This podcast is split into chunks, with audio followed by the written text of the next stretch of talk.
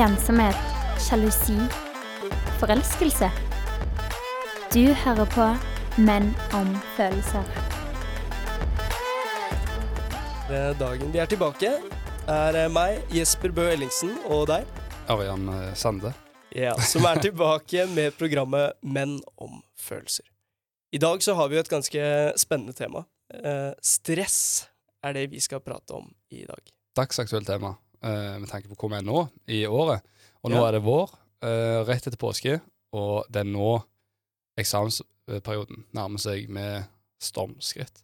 Ja, altså jeg begynner eh, litt å kjenne på den stressfølelsen allerede. Men, eh, men du har jo prata om det ganske lenge, egentlig. Ja, det er ofte sånn rett etter påske, du har hatt den ferien, og så kommer du tilbake og tenker shit, jeg har ikke gjort noe skole. Nå, nå kommer det. Og da må du sitte sånn åtte av ti timer hver dag og gjøre skolearbeid og få ta igjen for din tidligere eh, mangel på arbeid. Men ja, det er jo det som skjer. At, eh, og iallfall nå i påsken så har det også vært sånn Jeg har tenkt liksom på sånn shit, når jeg, med en gang jeg kommer opp, så er det sånn det og det og det jeg må gjøre.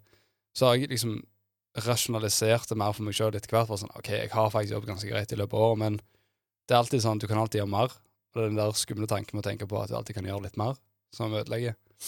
Så Ja. Eh, Men ja, vi har jo eh, Derfor er jo dagens tema stress. Og på grunn av den perioden vi er i, og på grunn av den livssituasjonen vi er i, så er det veldig aktuelt for oss òg, i tillegg. Ja, 100% altså Jeg vil si at alle studenter som lytter nå, de vil nok tenke at dette her er veldig aktuelt. Dette føler jeg på nå, at jeg er litt stressa. Men eh, det er jo ikke sånn at vår alltid er lett for alle. Det pleier jo ofte å være en sånn fase hvor det er veldig mye stress. Både i jobbsituasjoner, men også skole osv. Uh, men vi eh, må jo ta vår standard sånn ukas eh, talk, som vi starter med i hvert program, som er ukas følelse.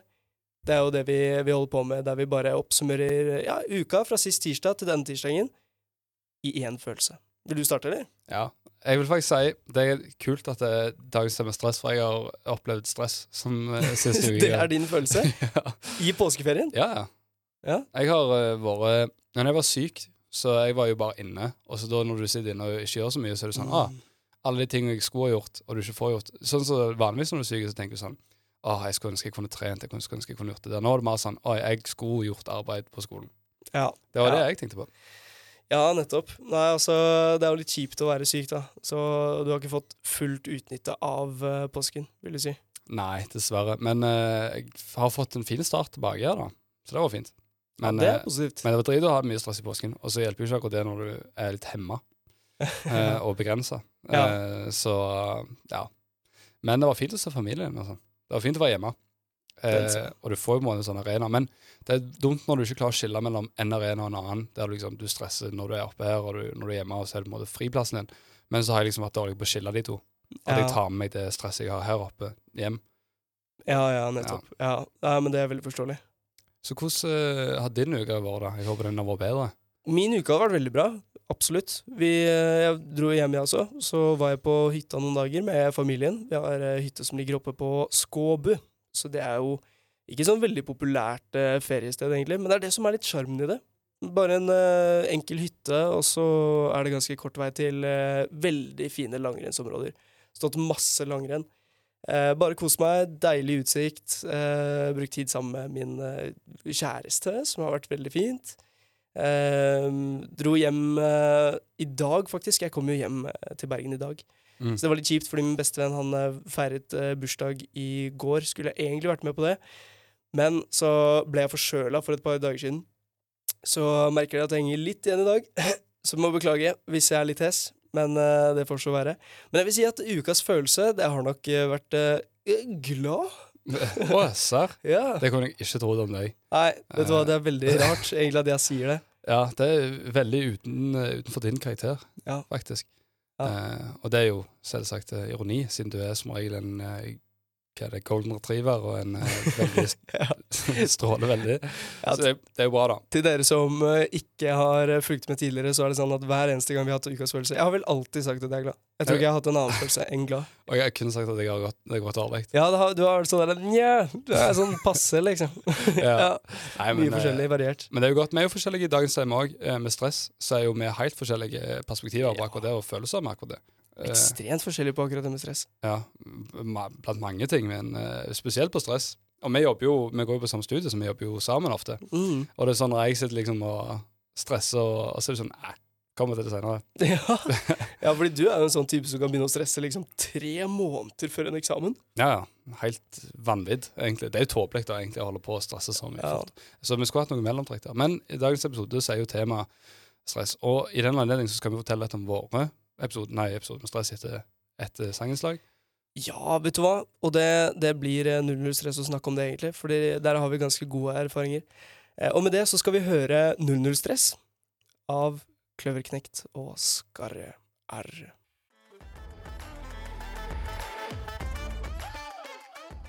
Det som er, Jeg strukturerer jo livet mitt sånn at jeg alltid stresser. Jeg liker den til, uh, tilværelsen av å være i en stressperiode, for da er du effektiv. Å, det er en vanlig ting, det. Ja. det jeg må bare si det før du deler din erfaring. Men Mm. jeg syns det er litt morsomt mens vi driver og jobber med eksamensrelaterte oppgaver og sånn sammen, da, Mm. så har jo eh, jeg i hvert fall køddet ganske mye med akkurat det at ja, men Ørjan, hvis vi bare eh, Hvis vi later som at eksamen er i morgen, ja. og så tenker vi sånn Vi er fucked, Ja. liksom. Vi må jobbe eh, Vi må lære å selge pensum i dag. Du, hvordan kom den frasen? Vi har en frase med deg når vi jobber sammen, så sier vi alltid 'vi er fucked'. Det, jeg vet ikke hvordan det oppsto. Vi er fucked. ja, men det var liksom når vi jobbet med en oppgave som hadde prokrastinert såpass lenge at det var ei uke igjen til oppgaven, Ja. og vi hadde ingenting ennå. Og det var en ganske stor oppgave på 30 sider. Så sånn Vi, vi kommer ikke til å klare dette. Sånn, det var det vi sa til hverandre. Vi kommer ikke til å klare dette. Og så gjorde vi det. Det var ganske stressende, men det var fint. Husker du hvor fint det var i den perioden når vi var så stressa? Ja, ja, herregud. Og det, var en opplevelse vi hadde sammen med, om. Det var jo da vi ble såpass close også. Ja. Fordi vi tilbrakte den samme stressperioden der i lag. Bodde jo hos deg hele den uka, og så Mm. jobba vi jo kun på den oppgaven. Det var liksom hovedfokus. Vi hadde samme mål, akkurat samme oppgave vi drev med, og vi var liksom i lag om det. Så sånn sett så kan det jo være veldig fint hvis du er i en sånn stressituasjon, da. Hvis du deler den med den andre, så Mm. bærer du jo byrden med en annen person som hjelper deg like langt, ikke sant. Ja, Som deler den kiloen med deg. Men det er vanskelig å finne en sånn eh, situasjon der du deler stresset med noen på den Ja, måten. det Det kan være det. veldig uh, sammensveisende for, um, i den perioden du faktisk har det sånn, men det er nok veldig sjelden at det forekommer, vil Ja. jeg tro. Gjerne hvis du har en på jobb, da, og du har veldig stress der, og du alle jobbe, må jobbe hardt og stå på, da blir dere gjerne samla. Ja, det er lettere, for da kan du f.eks. avlese noen arbeidsoppgaver på en annen kollega som har litt mindre å gjøre, og, og hjelpe og bidra hverandre sånn, da. Det er på en måte bra teambuilding, da, kan du si. Ja. Men uh, vi hadde det jo veldig sånn spesifikt, så da, da er det kanskje litt lettere. Ja, muligens. Men uh, hvordan har din eh, opplevelse med stress da, generelt? uh, altså individuelt, da? Ja, ja, jeg kan ta først. Helt generelt så er jeg jo en person som stresser veldig lite. Altså, jeg tar livet ganske med ro. Litt for med ro, kanskje. Det er jo noe jeg kanskje bør jobbe litt med, da, og prøve å liksom Ja, ikke prokrastinere like mye, og kanskje ta ting litt mer seriøst. For jeg tar litt ting som det kommer, og er litt sånn der happy go lucky Kai, da. Guy. Um, men jeg har én episode, og det er kanskje den jeg relaterer mest til den derre å nesten blir sånn burnout-effekt, da. Mm. Eh, og det var i tredje klasse på videregående. Um, så var det meg Jeg var jo med i en sånn russegruppe. Eh, ikke buss, men vanlig gruppe, liksom. Eh, og så hadde jeg og han som var sjef for denne gruppa, vi hadde tatt et møte med en sånn dugnadskar. Eh, som var keen på at vi skulle selge Vi skulle selge eh, Vidar-kluter, som er støvkluter, og Ice Crust, som er strømmiddel. Eh, De tingene alle trenger, vet du. De tingene alle må ha. Ja. Og vi tenkte jo jøss, dette er jo en dritgod deal. Vi kan tjene masse penger og ha råd til russefester, gensere, landstreff, sånne type ting. da. Dette var jo før korona, så da tenkte vi at alt skulle gå eh, på skinner. Så vi satt der da på det møtet, og så var vi jo dum-dum oppi der. så vi skrev under på kontrakten og sa yes, dette her er vi med på. Vi bestiller inn lass på lass med Widerøe-kluter og Ice Crust og selger for deg. Uh, og den deadline det fikser vi, for vi er 20 stykker på gruppa, så uh, vi skal mekke dette lett. Uh, saken var at ingen andre av de karene var villige til å bli med på det. Ingen syntes det hørtes ut som en god idé, og det var ingen som var villig til å faktisk eh, selge varer. da. Fordi vi var jo bare en gruppe, vandregruppe. Og da tenkte de andre at nei, jeg, jeg har en jobb på sida, liksom, og jeg har penger nok til dette her, Mm. så jeg gidder ikke så mye annet spess. Fantastisk lederskap du Ja, fikk, da. utrolig bra. Så der fikk jeg en lærdom, da. Fordi eh, casen var jo det at vi skulle samle inn eh, Vi skulle selge dette her. Jeg hadde ikke noe, jeg hadde ikke noe jobb på siden, jeg, så jeg hadde jo ikke noe stabil økonomi i det hele tatt. Eh, så vi skulle selge Vi hadde én måned på oss, en deadline på én måned. Skulle vi samle inn 50 000 kroner ved å selge Ice Crust og Vidar-kluter, så vi måtte betale, hvis ikke så ble det inkassokrav og alt det helvete der, da, kan du si. Så det var hver dag etter skole så møtte jeg og han kompisen opp, og så gikk vi forskjellige steder. Altså, jeg tror vi runda hele Asker og Bærum med, og ringte på hver dag, og så jobba vi fra klokken var fire da når vi var ferdig med skolen. Spiste vi lite med middag, og så ja, var vi ute og ringte på dører helt til klokken var halv ti, fordi etter det så var ikke folk like vennlige i døra, da. Barne, barn som skal legge seg. Det ble jobben din, det. Det ble jobben min. Men vi fikk det til. På én måned klarte vi å samle inn 50 000. Bare med å jobbe seks timer hver dag eh, og Rett og slett ved å selge sånne kluter som koster 50 kroner å kjøpe. Og det, nei, det var helt krise. Ja, Det hørtes sykt ut. Eh, Det var en kul historie jeg ikke har hørt før, faktisk. Så det var kult Ja. at du nevnte det. Men eh, vanvittig. Jeg kan forstå hvorfor det var mye mer stress, for det var økonomisk stress i tillegg. Ja, ja, og når jeg var ferdig med det, så var jeg jo bare helt sånn herre wow. Når jeg Mm. først fikk den ene dagen hvor jeg bare slappa helt av For det var jo ikke annet fokus enn å tjene penger på den perioden her. Så øh, øh, jeg tror jeg skulle på en fest eller noe, og da bare Jeg klarte ikke å reise meg opp fra senga. jeg. Jeg var helt ødelagt. Det var veldig rart. Det var sånn release fra alt det stresset, og da, det bare knuste meg. Og så var jeg ute én dag, og så festa jeg dagen etterpå. Men det hørtes ut som en veldig historie om deg, da. Sånn, eh, Ja. Fra din karakter. Så det er jo ikke akkurat utenfor eh, det spekteret jeg kunne sett for meg at du hadde gjort. Men eh, min erfaring eh, har jo ikke vært sånn ekstrem sånn som det. Det har vært mer sånn gradvis eh, over en periode der jeg har hatt mer stress. For eksempel eksamensperioden er jo på en måte stress uansett. Prøvd liksom å lagt veldig opp livet sånn at jeg ikke stresser samtidig som jeg fortsatt stresser. Mm. Så jeg vet at det stresset kommer uansett. Men jo mer jeg klarer å gjøre før det, jo mindre stress trenger jeg å forholde meg til når det faktisk kommer. Men eh, sånn som for eksempel livet mitt var før, da, så var det sånn jobbet, skole, trening det var egentlig, og kjæreste på den tida. Og da var det sånn jeg hadde gjerne skole fra åtte til to, tre. Jobb rett etterpå, rett fra skolen til jobb, rett på trening klokka åtte. Kom sju minutter for seint fordi jeg kjørte fra jobb. Og så var det liksom være med dama etterpå, klokka ti til tolv. Og det var hverdagen. Fire av syv dager i uka. Så det var en stressende periode. Men jeg likte det sånn. Men eh, det var mer kontrollert stress, for da hadde jeg sagt ja til det sjøl. Da var jeg villig til å gjøre det. Du har de faste rutinene ikke sant, på ting. Du, det er veldig forutsigbart hva du skal gjøre, osv. Mm. Men uh, kan jo se for meg det at det må jo være utrolig slitsomt, da, for du hadde jo aldri tid til å bare være deg. Til å bare slappe av og liksom Altså En søndag, for eksempel, da, da hadde du jo ikke noe skole og jobb osv. Da, da hadde du vel et rom til å slappe av? Ja, søndager, det var ganske greit. Men da, da var det treninger. Men, men på lørdagene så jobbet jeg fast hver lørdag klokka ti til seks. Hver lørdag i ni måneder strekk. Men det var jo ikke akkurat sånn stress som påvirket meg sånn. Det er mer nå i senere tid jeg har opplevd stress, for nå er det mer sånn ukontrollert. Sånn, Du kan komme på jobb, og så kan det være sånn lite jobb på jobben, jobben den dagen. Og det er greit. Eller du følger ikke helt med på skolen. Du velger litt selv hvor mye innsats du gjør. Men nå, liksom sånn, når du sitter med eksamen og skal lese sånn, da er det kun reliant altså, Det er avhengig av kun din innsats. Ja. Så hvis du ikke gjør noe så tidligere eller seinere, så kommer du, det kommer til å ha påvirkning. Og jeg tenker så mye opp for når jeg tenker på det egentlig sånn rasjonelt. Så er det, sånn, ah, det er jo bare en karakter, det betyr jo ikke så mye.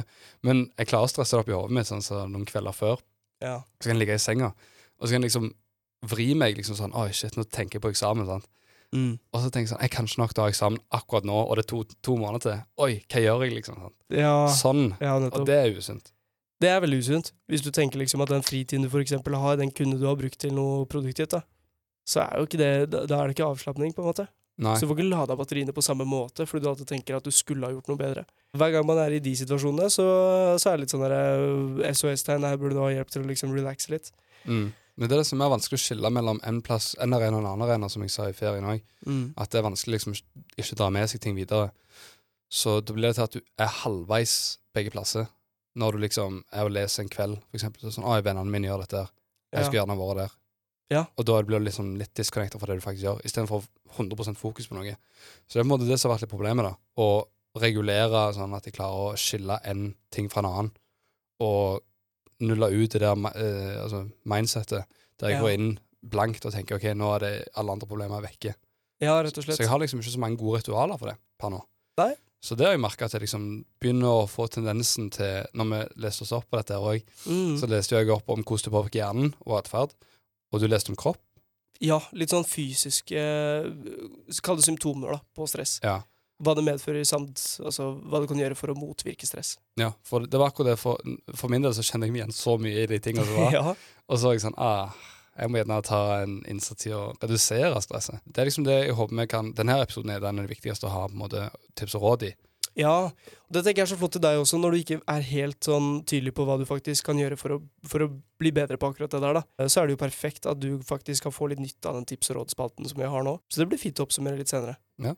Det blir veldig bra. Og med det så tenker jeg at uh, vi skal fortelle litt om effekten av stress veldig straks, men først så kan vi jo høre en uh, låt av ABBA.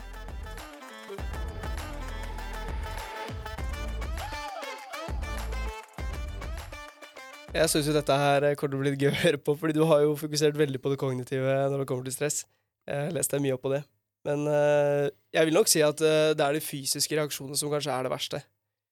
100% Ja, det, det spørs, da, fordi hjernen på en måte påvirker så mye av den fysiske eh, Skal jeg si operativiteten din, da. Eller funksjonaliteten din.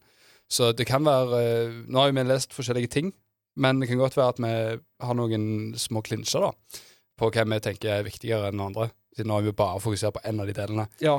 og de virker ganske absolutte. Men uh, vil du fortelle litt hva du lærte om det fysiske? Ja, altså Eller først og fremst, da, fordi eh, hva, hva vil du definere som stress? Det tenker jeg er bare greit å bare få ut av lufta her. Hvis det er noen som på en måte ikke helt klart og tydelig vet hva, hva stress egentlig er, da. Mm. Men det er på en måte en følge av forskjellige stressorer, da. Så for eksempel jobb, det kan jo være en stressord. En kjæreste, for eksempel, det kan være en stressord. Meg i langdistanse, for eksempel. Det, Mm. det kan jo være ting som stresser meg der, ved at vi ikke prater for mye, eller ditt og datt, ikke sant. Problemer. Eh, og det er alle de eh, småtingene som på en måte sammen blir til veldig mye, da, som, som påvirker ja, egentlig det kognitive, da, sånn at du, du ja, føler på stress og blir stresset. Jeg vet ikke om du har en sånn bedre forklaring på det? Nei, altså det er jo litt i samme gate, da, men si for eksempel at det er for mange ting du skal forholde deg til, og det blir overveldende.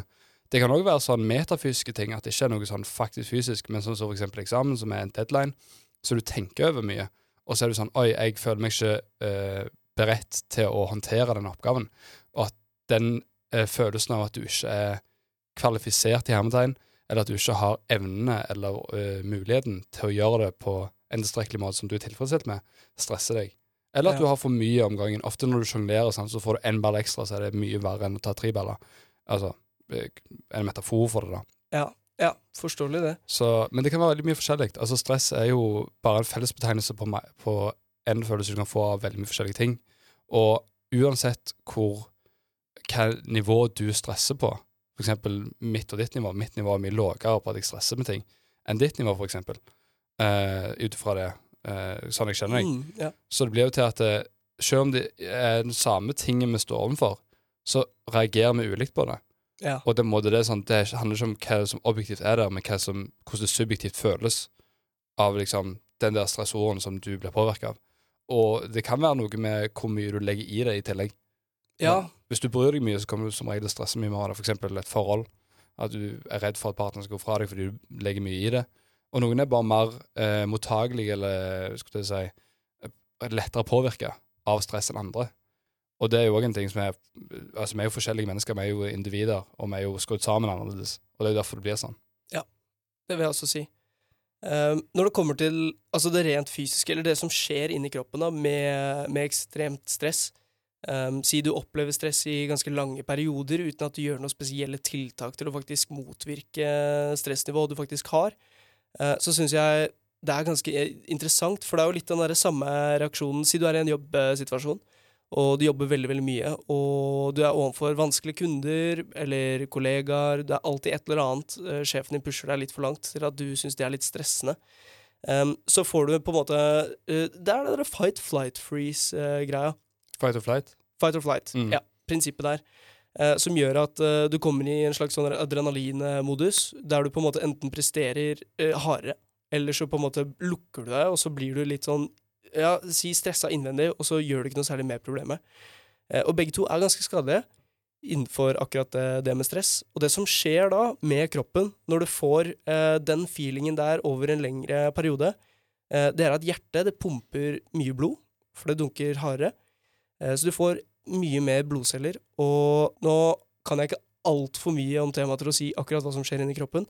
Men på Eh, overflatenivå, iallfall, så kan du si noe om det. Ja. Eh, og det som skjer da, er at hvis det kommer for mye av det, ikke sant? hva er det det heter, altså blood pressure, blodtrykket, Ja. på en måte, så øker det sannsynligheten for så ekstremt mange farlige sykdommer, som for eksempel hjerte-karsykdommer, eh, øker sannsynligheten for eh, kreft, samt eh, kolesterolnivået ditt. Det er veldig, veldig typisk at det øker når du er i stressende situasjoner. Og det som ofte skjer da, det er det at uh, du kommer i en sånn fase hvor du trenger mer mat for å opprettholde energinivået ditt. Så det du da ofte tyr til, det er da sånne cravings for kalorier. Og det er ofte da junkfood, mat som Mye egentlig ikke er så fett. bra for deg. da. Ja, Ja. Mye fett, mye, mye dårlig fett. Du spiser mindre grønnsaker kanskje, og naturrik mat. Eh, og det som skjer da, det er at du legger på deg rundt eh, midjen, som er veldig typisk. Så mange erfarer faktisk det at når de er veldig stressa, og de gjør mye, kanskje de er veldig fysisk aktive, og de løper rundt her og der og der, eh, og hver dag er veldig produktive, de gjør veldig mye, så virker det litt sånn rart at de, selv om det liksom, altså legger på seg, Uh, og det er veldig negativt, fordi de cellene, og det prøvde jeg å finne ut av hva de cellene egentlig var, og det er noe som heter cytokiner, tror jeg. Du skulle hatt noen som gikk biologi her, vet du. Ja, altså. vet du hva vi skulle hatt det? Uh, og de slipper ut hormoner, da. Disse hormonene her, de er på en måte dårlige, det svekker immunforsvaret ditt, Uh, og det øker sannsynligheten for diabetes, for eksempel. Ja, men det er mange negative altså, konsekvenser av stress over lengre tid. Men sånn som du sier med altså, Det er jo på en måte kronisk stress over lengre tid, som gjerne blir formulert av deg nå. Ja. Men så er det jo òg stress i små mengder. Trenger ikke nødvendigvis være negativt. Sånn som jeg har forstått det, ut ifra det jeg fikk, eh, fikk av materialet jeg skulle forberede meg på. Ja, tenker du sånn produktivitet, liksom? Produktivitet, fokus, Ja. eh, men òg at hvis du klarer å ha en Fordi som sagt, det er jo subjektivt i forhold til hvor mye man klarer å mestre hver enkelt. Så det vil si at noen personer sin grense, maksgrense, er andre personer sin 50% for eksempel. Og det er jo det som gjør det sånn Noen personer er jo mer effektive under stress. Du har jo hørt folk som sier ah, 'jeg fungerer godt under stress'. Mm. Og det er sikkert- fordi de føler at de gjør det, og gjør det sikkert fordi de får det der økt blod, nei, økt hjerterytme, mer blodsirkulasjon, og de er liksom på hele tida. Men så er det jo mer sånn hvis det forekommer lengre tid. Men eh, altså, fysiske eh, konsekvenser av det er jo interessant å høre på. Det er jo litt skummelt å høre på. Det er det. Og jeg synes det høres veldig ekstremt ut med tanke på at du kan få alle disse, disse tinga. Fordi det høres så Å, er du stressa så så lenge? Så det er liksom ikke sånn tidsramme på det, syns jeg. At det ikke er liksom sånn Å, OK, hos, hvor mye stress? Det er jo ingen som sier hvor mye stress du kan håndtere. Nei. Eller hva som kan være en negativ måte å, å ha ting på. Men vi skal komme tilbake til hvordan du motvirker stresseffektene. Absolutt. Og det er både eh, fysisk og kognitivt, fordi de går litt inni hverandre. De, de går litt sammen. Uh, så jeg leste iallfall uh, om det kognitive. Og det som skjer med hjernen over mye lange timer stress, det var en, uh, en professor uh, som heter Nikki Kartveg, eh, som hadde opplevd en burnout. Og burnout er jo bare det at du får så mye stress over lengre tid at eh, hjernen din på en måte kortslutter litt. At du, du klarer ikke å, ha den samme funksjonaliteten over lengre tid. Ja, og det tar jo eksempel mange måneder å komme seg opp fra. Mm. Det er mange som sykemelder seg, ikke sant? og det er ofte en effekt av burnout. ikke sant?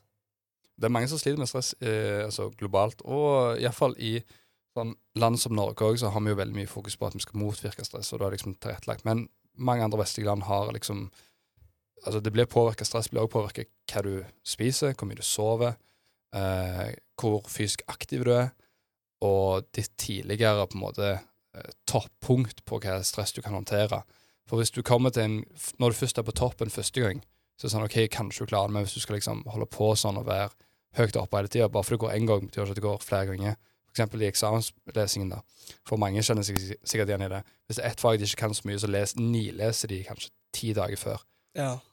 Hele pensum tar Kun de. fokus på det faget, ikke sant? Mm. Ja. Og så rett etter det. Det husker jeg i første året, når jeg skulle eh, ha Jeg husker ikke hva fag det var, men iallfall ett fag jeg ikke klarte godt. Ja. Og så rett etterpå så hadde jeg én til eksamen. Jeg var helt lik, jeg. Ja, Ja, ja. Og, og så var jeg sånn jeg, jeg klarer ikke å få meg opp på det nivået igjen. Nei. Fordi da var jeg brent ut. Da hadde jeg brukt opp så mye ressurser på det ene faget og lært meg alt det. Ja, du følte at du hadde jobbet så mye, på en måte, og så kom det et nytt fag, og så skulle du starte all over again på en måte, Mm. og gjøre samme prosessen. Og det er en stor, stort fjell du går opp på. Og da bare Utmattende. opplevde jeg sånn burnout som så holdt ut så lenge. Uh, så det skjer jo med folk i vår alder. Jeg føler at jeg er fysisk aktiv og sånn har et greit kosthold som regel, og sover relativt greit. Ja. Så, så det kan jo skje med alle, og det er så skummelt med det, for det er ikke noen sånn uh, Ingen er immune mot stress. Nei, altså det vil jo komme i alle slags type fasonger, kan du si.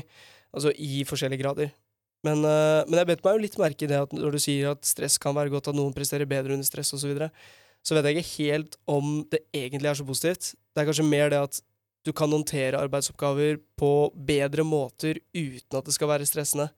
Som for eksempel eh, hvis du er stressa. Det er litt vanskelig å vite om du faktisk presterer godt hvis du er stresset. Det er jo slik at er du mye stressa, så selv i korte perioder, så kan det være veldig vanskelig å ha fokusevne. Eh, Så jeg vil jo se det som mer problematikk, egentlig, enn som en løsning. Så selv er jo jeg en person som på en måte kan starte med det der skippertak, da, og jobbe med oppgaver og sånt litt for nærme eksamen.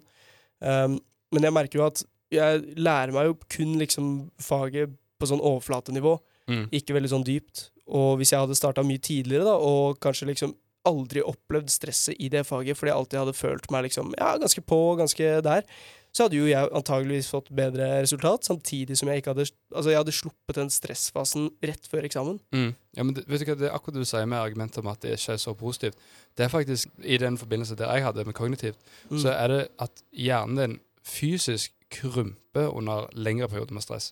Og nervetrådene som er i hjernen din, som sender signaler til hverandre, blir svakere eller dør ut noen plasser. Og da er det jo i prefrontalkonteksten og hippocontum- eh, som er de to tingene som blir mest påvirka av stress. Eh, og det er jo sånn de, det er en del av hjernen som er ansvarlig for læring, eh, hukommelse, skriving eh, og humørregulering i tillegg. Så du blir påvirka så mye. Og iallfall når det kommer til læring og eh, hukommelse. Da er jo de to tingene som påvirker deg mest med tanke på studielivet. Ja, ja. Du skal jo lære det, og du skal huske det. Og hvis du er stressa, så kommer du til å huske mye mindre enn hvis du ikke hadde vært stressa. Så å lære det over lengre tid, det er på en måte det som fungerer. 100% Men når først uhellet er ute, så blir det til Ja. at det Men det, det skjer. du har jo muligheten til å gjøre noe med det, da. Absolutt. Men det er jo sånn alle sier ah, dette året skal bli annerledes. Dette, ja, det er det man alltid sier. Men jeg føler i år så har vi begynt å bli ganske gode på akkurat det. Nei. Nei, nei, nei jeg er veldig dårlig. Nei, men vi nei, jeg starta, vi starta kjempetidlig, vi, altså. Men vi var veldig gode i starten, og så dabba det av. Dabba litt av. Nå er vi på igjen. Ja. Ja. Nå er vi på. Det er litt greia. ja, men det er fint, det, altså. Ja, men så blir det til at det, vi må jo på en måte samkjøre, samkoordinere ofte. For mange ganger så er det sånn, sånn som foreleseren sa, du, du skal ikke studere alene. Det er ingen som skal fungere og gjøre alt det der alene. Du må ha en partner eller en gruppe som du kan liksom samkjøre eller samkoordinere et opplegg sammen med. Ja. Så Det er greit. Det er litt det der samme å håndtere stress med andre enn å gjøre det aleine. ja, da vet du litt hvor du ligger an i forhold, og så kan du ta og gi hverandre. Men òg sånn som meg og deg, for eksempel, så er det en person som er hyperstressa, Deg. ja. ja. Eh, og en person som er veldig laid back. Nei. Og så hvis du klarer å kombinere godt nok til et sånt samarbeid, så blir det jo noe fint, nei, fint i midten. Det er sant. Jeg føler jeg er veldig god på å roe deg litt ned på at sånn Du, vi er ganske gode på det her, altså. Og så er du veldig flink til å eh, sparke meg litt i baken på sånn Kom an, vi skal møte opp her klokken ni, og vi skal jobbe med dette her helt til klokken er fire, liksom. Men det blir at jeg sier sånn Vi kommer her klokka åtte, og så sier du at det var Ja, det var litt Tidligstillaget for min del. Ja, men jeg blir også engasjert når jeg gir det, så tenker sånn Ja, men jeg kan bare komme her klokka åtte. Ja, vet du hva, du er utrolig rå på det. Mm. Og du, men du følger opp på det også. Det eneste er bare det at det har hendt en del ganger, i hvert fall siste perioden, at jeg har sagt ja ni. Og så er det sånn Eit. og så klokka kvart på ni så skriver jeg Ja, jeg tror jeg kommer halv ti. Og så er du sånn Ja, den er god, for jeg våkner nettopp. og så er jeg sånn Ja, smooth, men eh, det hadde vært best å ta det ti, for da rekker jeg å mekke meg i armridere først. Ja. Og så er du sånn Ja, den ti, da. Backer den. så er det liksom drøyd det i to timer, da. Det er jo Faktisk. De drar seg alltid ut, men sånn er det. Ja, Sånn er det. Så med det, jeg har stor respekt for at du er flink til å uh, få meg ut, forresten. Og med det så skal vi da høre uh, Well Respected Man av Kings.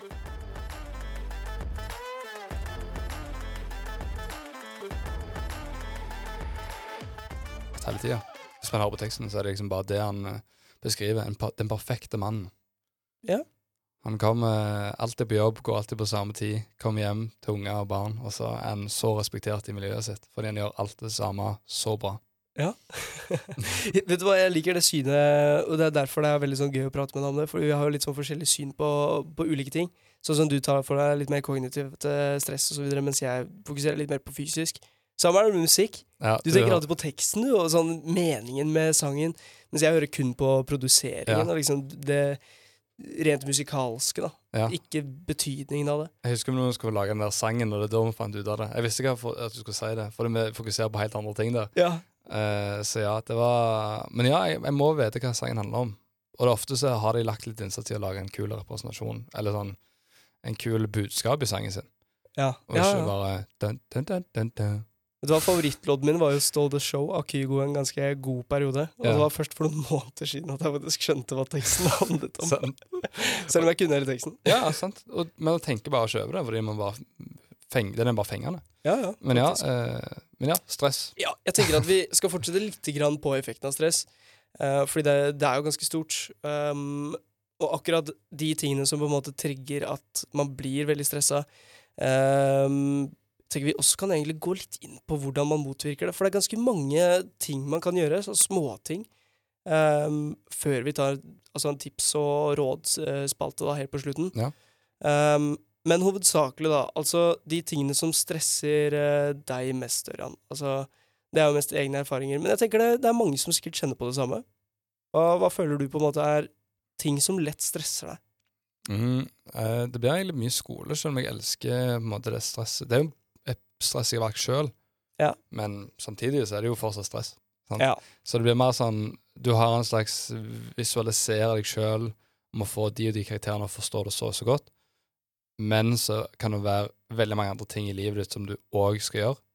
Ja. du for eksempel, og det er liksom det Det som stresser meg litt, er liksom sånn om jeg klarer å balansere det godt nok. Klarer jeg å balansere liksom det livet med å gjøre kjekke ting og gjøre skole bra og være en god venn og være en god bla, bla, bla til hvem som helst? Ja, ja, du, Eh. ja, det går på det vi har pratet om tidligere også. Litt sånn der, Være god på veldig mange arenaer. Mm. Mestre forskjellige ting. liksom Prestasjoner osv. Mm. Ja, Ja. prestasjoner At du liksom Du skal liksom oppnå et visst resultat i de fleste tingene, og så er jeg ikke så god på å gi meg sjøl slack. Ja. Det er på en måte det som gjør meg mye stressa. Eh, høye forventninger og krav uten noe spesiell backup-plan. Ja.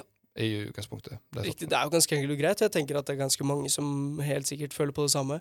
Jeg er jo litt sånn motsetning der, da, med tanke på skole osv. Det er klart at jeg blir stressa av eh, deadlines og skole, oppgaver, eksamen, alt det der. Det er jo, det er jo stressfaktorer som bare rakkeren. Men eh, jeg vil jo si at eh, det jeg kanskje mest Altså merker mest i det daglige, uh, typ meldinger, mails, sånne ting. Mm. Jeg vet ikke om du har merket noe særlig til det, men jeg er usedvanlig dårlig på å svare på både mails og, Ja. og meldinger. Jo, jo, jeg snakker med deg ofte, så jeg må jo ringe deg. Jeg sender tekstmeldinger til deg, for jeg vet hva du ser. Ja, Men ja, men det stresser. Virkelig. Det, ja, og er, jeg vet ikke hva det er med akkurat meg og akkurat det der. Fordi eh, jeg ser jo at folk sender meg en melding. Mm. Jeg ser jo når kjæresten min skriver 'hei' eller 'du', Mm. sånne ting. Da. Og samme mails, liksom. Jeg kan se at det popper opp en mail. Og jeg kan se at liksom eh, i Messenger-gruppa så er det ti nye notifications. eh, for eksempel i den DJ-gruppa der jeg er leder av, liksom. Mm. Bør være oppdatert og bør følge med der. Ja, egentlig. Altså, det er viktige greier. Og eh, så er det bare en del av hodet mitt som sier sånn «Nei, etterpå. Og det kan være Mm. at eh, mormoren min ringer meg mens jeg henger med Martina, altså kjæresten min. Og så er det sånn Ja, skal du ikke ta mobilen? Så er jeg sånn Nei, senere. Og Og etter hvert så merker jeg at sånn Å, nå har det gått så lang tid uten at jeg har svart moren min eller faren min på, på meldinger. Eller at uh, nå har kompisen min prøvd å nå meg i tre dager uten at jeg har ringt tilbake. Ja. Bad. Ja. Da kjenner jeg på det derre oh, nå må jeg catche opp med alle sammen. ja. Istedenfor å bare ta tak i det med en gang. Og det er sånne ting som kan stresse meg litt. Grann. Nei, men det er 100% Jeg tror mange altså, Jeg leste jo en bok om eh, det digitale dopet som handler om mobilavhengighet eller mobilbruk i vår hverdag. Og liksom Folk bruker mobilen mye, 7,5 timer i gjennomsnitt i vår aldersgruppe. Ekstremt Mm. mye. Men òg at det, før du legger deg Det var hun ene eh, Det var nederlandske eh, for, Nei, ikke forfatter, men sånn taler i en TED-talk. Så Mm. forteller at det han gjorde, var liksom hver dag sjekke mail, sjekke meldinger, bla, bla. Eh, var på jobb hele tida måtte være oppdatert på alt. Og før han la seg, så var det liksom å være på mobilen og sjekke liksom ulike ting på Facebook og så- Ja, han ting. gjorde det? Ja, ja. Ja. Det var liksom det han gjorde. Og så fikk han en burnout, og så var han sånn OK, mobilen er bad. Og i den boka òg, som jeg leste, var det òg at eh, mobilen påvirker så mye psykisk, stress, stressende for deg, at eh, hvis du vil, så bør du ha tiltak for å på en måte nulle ut effekten. Og det er jo på en måte jeg jobber med etter jeg har på en måte hatt den boka. Så jeg ligger vel på to og en halv time i snitt og prøver å holde meg der. For liksom, Ja, men det er kjempesmart. ja, Og ikke ha den eh, før du legger deg og sånn. Du, du trenger den ikke. Det er ingenting fornuftig som skjer etter klokka ti på kvelden på mobilen din. Nei, absolutt ikke. Og likevel så er det sånn at absolutt alle omtrent bruker mobilen rett før de legger seg for å sjekke, holde seg oppdatert, se Mm. sosiale medier og sånne ting. Og det tar jo over. Og det er klart at hvis du ser alt av det andre folk holder på med osv., så, videre, så er det en liten sånn faktor på at øh, Og det leste jeg også om at FOMO er jo en veldig stor ting. Uh, fear of missing out, som er det det betyr. Um, hvis andre, du ser at andre gjør ditt og datt og sånne ting. Uh, du har jo lyst til å være sosial, aktivisere deg og være like kul, være like opprettholdende på forskjellige arenaer da, som det andre er. Ser du alle disse um, kanskje overdådige tingene som folk driver med, så får du en litt sånn derre Man, det vil jeg også prøve på. Og alltid den derre lysten til å øh, gjøre de samme tingene, eller ja, ja, ikke ha den derre fomo, det er faktisk et stort følge av stress. Mm, det er det. Så det er absolutt viktig å være bevisst på de stressordene som er Den tingen du har i hånda di så mye av dagen, Ja. den er en del av å stresse deg opp. Men òg det der greiene med at på den enheten så kan du òg se hva alle andre gjør. Ja, ja, for det er jo nettopp det. Ja. Så det er veldig sånn Før mot, kunne du bare tenke deg sånn Ja, kanskje noen har kommet så og så langt. Nå er det sånn du vet alltid hva folk Åh, gjør. gjør. Ja. Og så er du redd for hva folk tenker at du gjør. Men så kommer det på at mest sannsynlig er det kun du som tenker på det. Yep. Men det er lett å tenke rasjonelt. Altså når med en gang du kommer alene på kvelden og du er litt uh, mentalt uh, sliten, så brytes det ned. Men, men iallfall litt om det der med kronisk stress og det jeg fikk, fikk lest om, for jeg fikk lest en del. Så er det kortisolnivået som har, uh, man har. Det er jo kortisol er det uh, hjerneskjellet ut, Mm. som forberedes på en respons til et eller annet som er positivt negativt, altså flight or flight. Og hvis du har et veldig høyt nivå av det, så kan jo det, det medføre de fysiske konsekvensene. Men det starter i hjernen. Uh, ofte når du får, om du får en fysiologisk respons først, eller om du får en kognitiv respons, først, så kommer det til å sende eh, signaler til den andre parten. Hvis kroppen din eksempel reagerer på noe, og du har en veldig stor reaksjon, altså fysiologisk reaksjon, så kommer den til å sende signaler til hjernen og si oi, nå skjer det noe stort. Nå må det være like stort. Og da får du liksom en sånn samsvar mellom de to, for det pleier ofte å være det. Så da blir det til at du får en respons først, og så kommer du til å tenke oi, nå stresser jeg kjempemye over at det er noe stort. Mm. Eller versa versa. At hjernen din får en respons, og så gir han kroppen signal om at nei, nå må du stresse, pulsen øker, du blir liksom urolig, engstelig, alle de tingene der. Ja, og derav kommer de fysiske ja, symptomene, på en måte. Mm. Ja, ja, ja. Så de er jo i det er jo, Kroppen vår er jo en enhet, så de vil jo påvirke hverandre uansett. Men i fall, det, det er greit å forklare hvordan det påvirker både det fysiske og det mentale eller kognitive. Ja, for det var litt fint å få litt mer oppklaring i akkurat det. Fordi jeg har jo liksom kun tenkt på at sånn Ja ja, stress, det er jo altså kjempealvorlig. Men i den grad av at ja, det, fysisk dette her og sånt noe skjer, på en måte. Mm. Det er mer sånn løsninger på hvordan du kan motvirke det. At jeg har tenkt mest kognitivt og kanskje litt mindre rent fysisk. Eller nei, jeg lyver. Jeg har også tenkt ganske mye fysisk. Ja, men det, det går jo i hverandre, sant. Så De det, gjør jo det. det er vanskelig å skille det ene fra det andre, fordi de blir påvirka. Og eh, jeg har jo fått, fikk noen tips òg. Det skal vi ta etter musikken, men vi fikk noen gode tips på hvordan vi skal motvirke det. Ganske simple tips, egentlig. Ja, og det er mye som er veldig lett å gjøre noe med, altså. Ja, det Men det er veldig få som klarer å sette ord på om de er virkelig stressa. Og som på en måte ikke vet helt det at Og jeg har faktisk et ganske høyt øh, øh, Nå mista jeg ordet. Kortisol? Ko, Det er kortisol, ja. ja, Nivå. øh, kolesterol. Kolesterolnivå. Ja, stemmer. Ehm, og det er jo litt skummelt at man ikke vet det helt. Jeg har jo sett den derre 16 ukers øh, helvete. Mm. Det syns jeg var en veldig bra serie. For der var det jo litt sånn derre aha-opplevelse fra, fra akkurat de kjendisene som var med der om at wow, vi har jo ganske høy kolesterolnivå. Det kan være et følge av eh, mye stress. Så å få en sånn aha-opplevelse ganske tidlig, det er veldig lurt. Eh, men da tenker jeg at vi kan bevege oss eh, mot eh, tips og råd etter vi har hørt a-ha med The Sun Always Shines On TV.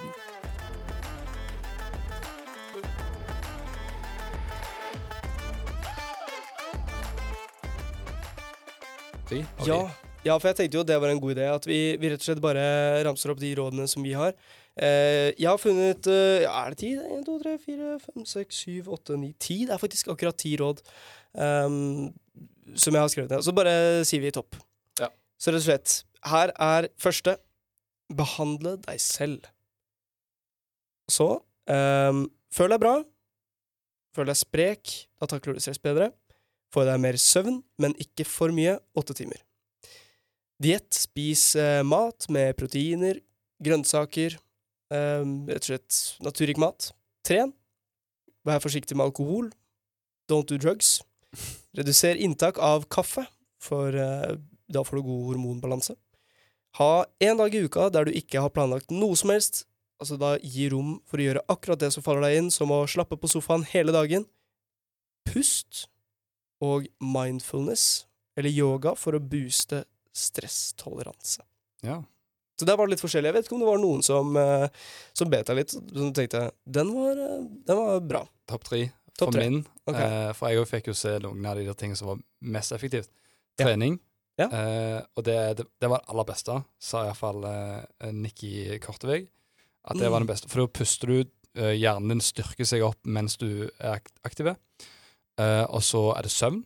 Det du sa om ikke mer enn åtte timer, bra søvn, eh, er vanvittig viktig fordi hjernen altså, slapper av og restituerer under søvn. Og du vil òg bygge deg sjøl opp igjen etterpå. Ja. Og motvirke stress hvis du får nok søvn. Det er mye sånn ting du får lignende symptomer hvis du ikke sover, sover nok, da. Ja. Og eh, jeg så faktisk at meditasjon var veldig høyt oppe der. Eh, men jeg vil heller ta spise sunt foran meditasjon. Ja, du tar det Ja, fordi meditasjon og trening har litt lik effekt på kroppen. Ja. Så hvis du tar spise sunt, altså har eh, mat som er veldig bra altså kanskje så mye om ernæring, men vet iallfall brokkoli, fisk, olivenolje eh, og ja, iallfall noen ting til jeg så da, som er Ja, veldig bra for deg. Som er veldig bra for hjernen din, og for veldig bra for å mestre stress. Så god ernæring, god søvn og trening. Hvis du har de tre tingene der, da eh, kan det være veldig Ja. vanskelig Eller da motvirker det stressing ganske god. når det finner Ja, jeg tenkte, jeg tenkte kanskje at jeg skulle være uenig med de eh, valgene dine, men jeg er faktisk ikke det. Jeg syns det er veldig veldig bra. Men uh, en jeg ville ha klatret opp på Jeg ville tatt det på en tredjeplass. Uh, og så vil jeg si ah, Altså, jeg har jo både det med, med søvn Det blir på en fjerdeplass for min del. Eh, men akkurat det med trening, andre, spising, eh, første, der er jeg enig. Men eh, på tredje vil jeg ta pust Ja. som er veldig veldig viktig. Eh, jeg har jo vært borti seanser der for eksempel eh, alt av stress, angstanfall, sånne type ting, ikke sant? Løsningen på det er ofte bare å puste. Og det er utrolig mye positivt som er følge av det å, å være bevisst på pust. Eh, hvis du klarer å på en måte puste inn dypt gjennom nesen, ut gjennom munnen, Mm. så er det utrolig Altså, mye positivt eh, det medfører. Ja, det er veldig bra. Altså, det er jo det meditasjon egentlig går inn på, kontroll, kontroll på pusten. Så det, jeg tror pust og meditasjon er ganske likt det de representerer. Ja, det er ofte mye av det samme. Mindfulness er jo mye med pust. Ja, men Jeg jeg, har, forresten, kjapt, eh, har, du, har du hørt om uh, Wim Hoff? ja, Iceman? Ja. Uh, Iceman, ja. Han Det syns jeg er kult, altså. Fordi han har jo kun på en måte fokus på det med pust og så videre, ikke sant? Ja. Og det viser seg at uh, ved det å på en måte puste da, og bruke riktige pusteteknikker, og han har jo sånn camp for å lære seg å puste og så videre, Ja. uh, så kan du altså tolerere å klare deg i ekstreme omgivelser. Sånn som han som for eksempel har gått utallige kjempekalde turer opp i fjell og I tatt isbad i bare shorts. ja. Eh, sånne type ting. Det er jo helt ekstremt, og det kommer gjennom pust. Så jeg tenker at det må jo være så mye positivt som er kun pust. ja uten, uten at det er spesielt mye forskning på det feltet, liksom. Men Ja. det kan godt være at det er mye i akkurat pusten. Iallfall med håndtering av stress og eh, fysiologisk respons. Men eh, jeg vet ikke, med søvn og sånn, så er det veldig fastsatt at hvor viktig søvn er for eh, altså hvor operativ du er, og hvor overvåken du er. For det, det har så mange negative konsekvenser å ikke ha nok søvn, og veldig mange positive, nei, ja, positive konsekvenser av å ha nok søvn. Så den er veldig sånn påvirkelig. Iallfall for min del, som har liksom, hatt problemer med søvn i mange år Ja. blir nok søvn ganske høyt oppe der på liksom, å finne måter jeg kan gjøre søvnen min bedre. Ja, forstår jeg. Ja. Det blir litt sånn, i og med at du har merket det selv, at det har vært viktig for din del, så ja. For meg jeg, har jo jeg alltid hatt veldig god søvn. Ja. sover veldig tungt, og so sovner veldig fort. Lett. Som alt annet i livet, så har du Tar det ganske chill. ja. Har ikke opplevd stress. Er Jeg sover godt. Og... Sover godt. Livet mitt er perfekt på alle mulige måter. Nei. Men uh, det, det er veldig bra. Jeg, jeg tenker vi har jo fått uh, i hvert fall ganske mange bra tips. Jeg håper du kan i hvert fall ta med noen av de uh, i hverdagen når du kjenner på stress. For du gjør jo det en del oftere enn meg, i hvert fall. Ja, og så håper jeg at du Begynner å stresse mer. Nei, Stress mer, Jesper. Jesper, stress mer. Nei, men eh, ja, det var bra. Uh, fikk vi gått gjennom litt hvordan stress påvirker, eh, i forhold til, i hvert fall i forbindelse med, med studietida, og samtidig som vi fikk høre litt på fysiske og kognitive konsekvenser av stress. Og så noen små tips. Så det var veldig fint. Så da vil vi bare rett og slett takke for eh, denne gang, og si du har nå hørt på Menn om følelser på Studentradioen i Bergen. Du hører oss eh, faktisk live her hver tirsdag fra 12 til 1, og som podkast som kommer på Spotify litt etter hvert. Eh, produsent i dag har vært Mari Petterson, og ansvarlig redaktør er Jakob Blom. Takk for oss. Ensomhet, sjalusi, forelskelse. Du hører på Menn om følelser.